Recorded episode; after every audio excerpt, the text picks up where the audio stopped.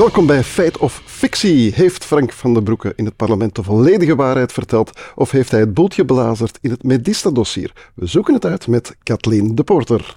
Dag Kathleen, je was hier in december al te gast in de podcast Studio Vlaanderen. Toen had je het al over het totale gebrek aan uh, transparantie van Vivaldi en vooruit minister Frank van den Broeke. We gaan daar nu dieper op in. Het, uh, ik noem het Medista-dossier of het Medista-affaire. Jij bent er als een detectieve in uh, gedoken. Uh, waar begint dat verhaal eigenlijk? Het verhaal begint in 2020, toen we net wisten dat er vaccins zouden zijn, dat we zouden vaccineren. En men had nood aan een vaccindistributeur, dus de opslag, maar ook het rondrijden naar de ja. vaccinatiecentra, et cetera. En dan heeft Medista zich aangeboden, dat was nog mm. ten tijde van uh, minister De Bakker. En dan heeft men een, een kort raamcontract met hen afgesloten. Maar dat moest natuurlijk in een wettelijk kader gegoten worden. Wanneer minister Van den Broeke aan zet was, heeft hij dan een openbare aanbesteding uitgeschreven, zoals het hoort. Ja. En dat heeft Medista gewonnen. Dus vanaf dat moment waren zij eigenlijk de vaccin-distributeur ja. voor de overheid. En dat was een contract tot 2025. Ja, maar in 2022 stapt Medista naar de Raad van State. Waarom doen ze dat? Ja, er is iets heel gek gebeurd. Hè. Dus er was een contract tot 2025. En plots in 2021 dan heeft de staat beslist van ja, dat gaat allemaal niet zo goed met die vaccindistributie. Wij gaan veranderen van distributeur. Ze hebben eerst een openbare aanbesteding uitgeschreven en bleek dat daar maar één kandidaat was die over alle vergunningen beschikte. Dat was Medista. Ze hebben die weer ingetrokken en dan hebben ze in de zomer van 2021 een nieuwe aanbesteding uitgeschreven die wat ruimer was. Die aanbesteding is gewonnen door Movianto. En dit is die aanbesteding die Medista heeft aangeklaagd voor de Raad van State. En wat heeft de Raad van State dan, dan beslist eigenlijk? De Raad van State heeft Medista geen gelijk gegeven op het eerste zicht. Want dat was een, een vonnis op het eerste zicht. Dat komt 37 keer voor in dat arrest. Maar uiteindelijk ja, hadden ze wel geen gelijk volgens de Raad van State met de gegevens waarover de Raad op dat moment beschikte. Ja. En dat is nu net waar de discussie is beginnen ontstaan. Want ze hadden zich gericht één naar de verruiming van de vergunning. Daarvan zegt Movianto van, uh, zegt Medista, van ja, dat was geschreven op maat van Movianto. Ze hadden zich ook gericht op de prijzen. Blijkbaar zouden die prijzen op een, ja, een beetje appelen en citroenen vergelijkbare ja. basis vergeleken worden. En ook op voorkennis, want er is een, een contract, een vacature voor een consultant die betaald wordt door Europa, maar werkt voor Movianto. En die vacature die was al verschenen voor de aanbesteding is toegewezen. Ja, dat klinkt een beetje verdacht natuurlijk. Hè. Ja, het is nogal een kluwen. Hè? Ja, en, um, maar de Raad van State oordeelt dan op het eerste zicht. Maar ja, Medista, jullie hebben dan toch niet uh, volledig gelijk. Of, of, uh, maar voelde jij toen al aan van, van hier klopt iets niet? Want je bent toen in het parlement echt blijven hameren op meer transparantie van de minister ja. van den Broek. Ik ben eigenlijk gestart met dit dossier in juli 2022. Omdat ik uh, de reden van die vaccinatie-distributeur-switch wilde weten. Ja. Ik stelde de vraag aan minister Van den Broeke en toen zei hij mij, er is een nota van de inspectie Financiën en daarop gebaseerd ben ik een nieuwe openbare aanbesteding ja. beginnen schrijven. Ik vraag die nota op en die is er niet. En dan als parlementslid, ja, dan gaan alle rode vlaggen af. Want een nota van inspectie Financiën die er niet is, dat is eigenlijk een flagrante leugen. Dat was leugen nummer één.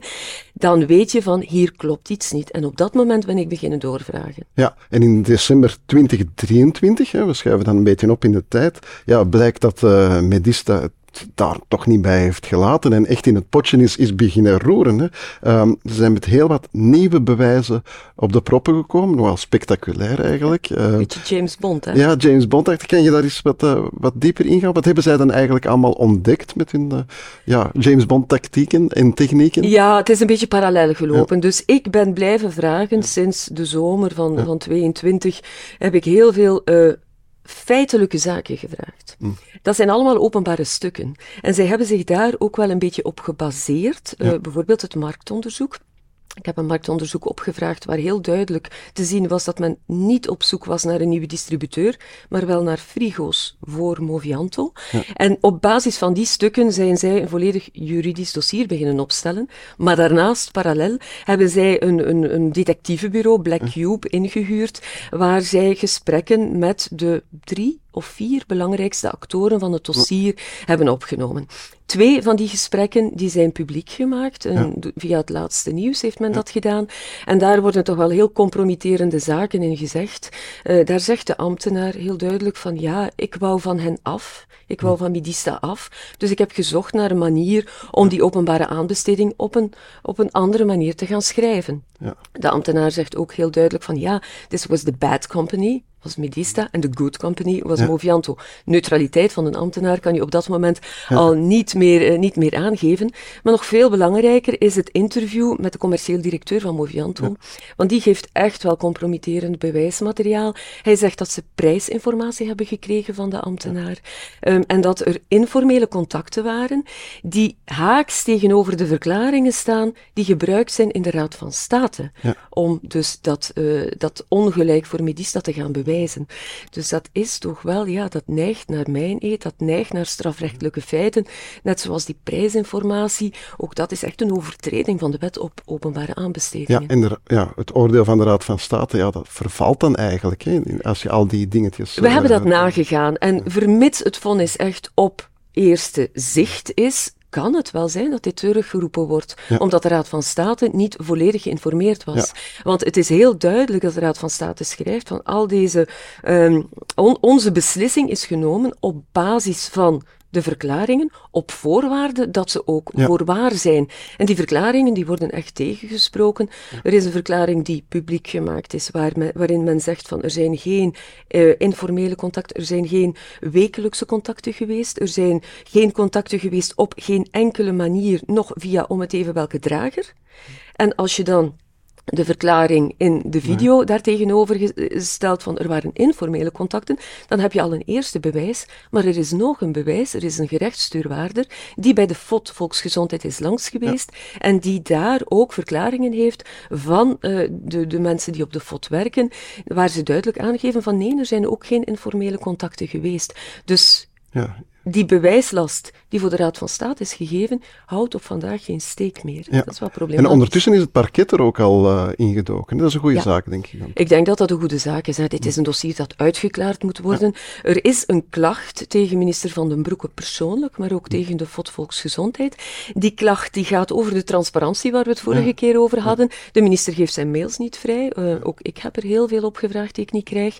Maar er is ook een klacht rond het Medista-dossier. Dat is één groot dossier en er is een onderzoeksrechter van het parket van Brussel nu mee bezig. Ja, en dan schuiven we op naar 2024, 25 januari, plenaire vergadering. Ja, jij confronteert uh, minister Van den Broeke met het feit dat hij de waarheid niet heeft uh, uh, verteld. Hoe heb je dat dan aangetoond? Hoe heb je dat Ja, dat was de zoveelste leugen. Maar in dit dossier zijn er heel veel leugens die minister Van den Broeke van de, van de baan veegt. Mm. Ja, je kent hem, hij heeft heel vaak gelijk in wat hij zegt, maar als apotheker wist ik dat hij vaak geen gelijk had. Bijvoorbeeld bijvoorbeeld de vergunning rond de narcotica, verdovende middelen, die was niet in orde bij Movianto. Um, en dan zei hij tegen mij, ja, maar dat gebeurt, dat gebeurt vaak. Nou, hm. Morfine verdelen zonder vergunning, ja, geen enkele apotheker zou dat aandurven, dan vlieg je al snel in het gevang. Ja, hij verkondigt het met een zekere ja. air van... van voilà, hij verkondigt het als waarheid, maar je weet dat het niet waar is, maar je kan het moeilijk uitleggen aan de bevolking. Deze leugen was nu een heel makkelijke.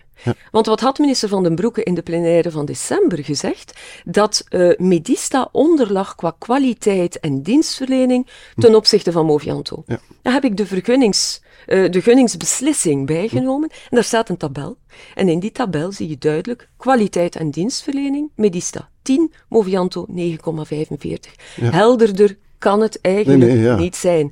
We hebben de minister daarmee geconfronteerd en zoals altijd had hij wel een uitleg en zei hij van nee, nee, nee, nee, dat was niet alleen kwaliteit en dienstverlening, het mhm. was ook IT en het was ook opslag, maar dat houdt geen steek, want hij heeft heel duidelijk dat zinnetje gezegd, staat ook in het verslag van de plenaire zitting, dat is een leugen. Maar het is de zoveelste leugen in dit dossier die nu eens heel goed aantoonbaar is. En voor ons als NVA was dat echt de druppel.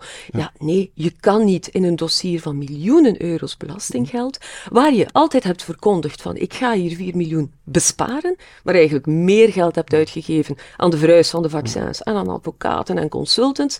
Ja, je kan niet blijven volharden. Hè. Nee, en uh, ja, het ergste van alles, Vivaldi heeft zogezegd een, een deontologische code, hè, waar er wordt gehamerd op integriteit als kernwaarde. Ja, daar hier ja, klopt iets niet. En dan confronteer je er de premier mee en dan zit hij daar, een beetje onwennig, dan kijkt hij ook niet naar het blad. Maar als je een code hebt, ja, dan moet je die volgen. Toe, hè? Um, hoe moet het nu, nu verder? Heeft uh, Frank van den Broeke het aan zijn broeken?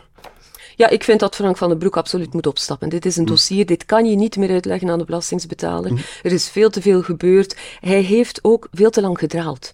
Ik heb het hem een jaar en een half gezegd, doe er iets aan. Auditeer uw, uw fot.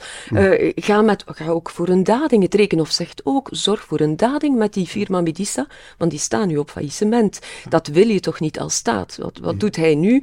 Hij bevoordeelt een Franse multinational ten opzichte van een Belgisch bedrijf dat, dat op failliet staat. Hij moet gewoon zijn zaken oplossen, een dading sluiten met Medista. Goede verdere samenwerking met Movianto, dat lijkt mij geen probleem. Maar hij moet ook zijn verantwoordelijkheid nemen. Ja, en eindelijk is transparant uh, communiceren misschien ook wel. Ja, die mails vrijgeven. Hè. Ik vraag dan, er is nog een parallel dossier hieraan, dat is het Rescue-programma. Dat is 1,4 miljoen die gewoon toegewezen is aan Movianto zonder openbare aanbesteding. Ik vraag alle mails op rond dat Rescue-programma. En dan antwoordt hij, ik kan er u eentje geven van 24 maart daar waar er een volledige uh, mailchain is, zoals men zegt. Ja, nee, dat kan niet. Hè? Ehm, hij moet gewoon doen wat de wet voorschrijft. Transparant communiceren als minister. In het verkiezingsprogramma van, uh, van Vooruit stond het woord transparantie twintig keer. Ja, als je één voorbeeld hebt van niet-transparante minister, dan is het wel Frank van den Broeke. Dus dat ze er dan toch iets aan doen. Het gaat eerder met de transparantie achteruit, zou ik dan zeggen. Ja, klopt. Um, laatste vraagje. Uh, je bent apotheker als achtergrond. Heeft dat geholpen om, om dit dossier uh, helemaal uit te vroeten? Is dat een, een soort skillvaardigheid die je hier hebt kunnen gebruiken? Twee zaken. Wij apothekers, wij werken met milligrammen, dus elke komma onderzoeken we. Dat is al één. Maar uh, het belangrijkste feit is dat hij mij ook niet zomaar iets voor de neus kon gooien. Hm. Um, als een minister zegt, die narcotica-vergunning bijvoorbeeld, ja, als je geen apotheker bent, dan ga je dat misschien wel gaan geloven. Ja. Hetzelfde voor wat de frigo's betreft. Um, ik wist van de groothandelaar-verdelers, waar ik ook mee samenwerk, dat zij ook wel wilden helpen en dat hm. zij beschikten over frigo's. Maar toch ging minister Van den Broeke op zoek naar frigo's voor zijn preferentiële partner Movianto. Dat zijn allemaal zaken die je voelt. Een, een inspectie van het FAGG, ja, dat is het geneesmiddelenagentschap, die mij komen zeggen, wij zijn bij Movianto geweest. Ik vraag minister Van den Broeke, hoe was die inspectie? Hij antwoordt mij, ze zijn er nog niet geweest. Dat zijn zaken die dan voordeel geven als je in die sector zit, als je ook je tentakels in die sector ja, gebruikt. Netwerk. En, en je weet waarover je spreekt. Oké, okay, Kathleen de Porter, hartelijk dank voor deze feit of fictie.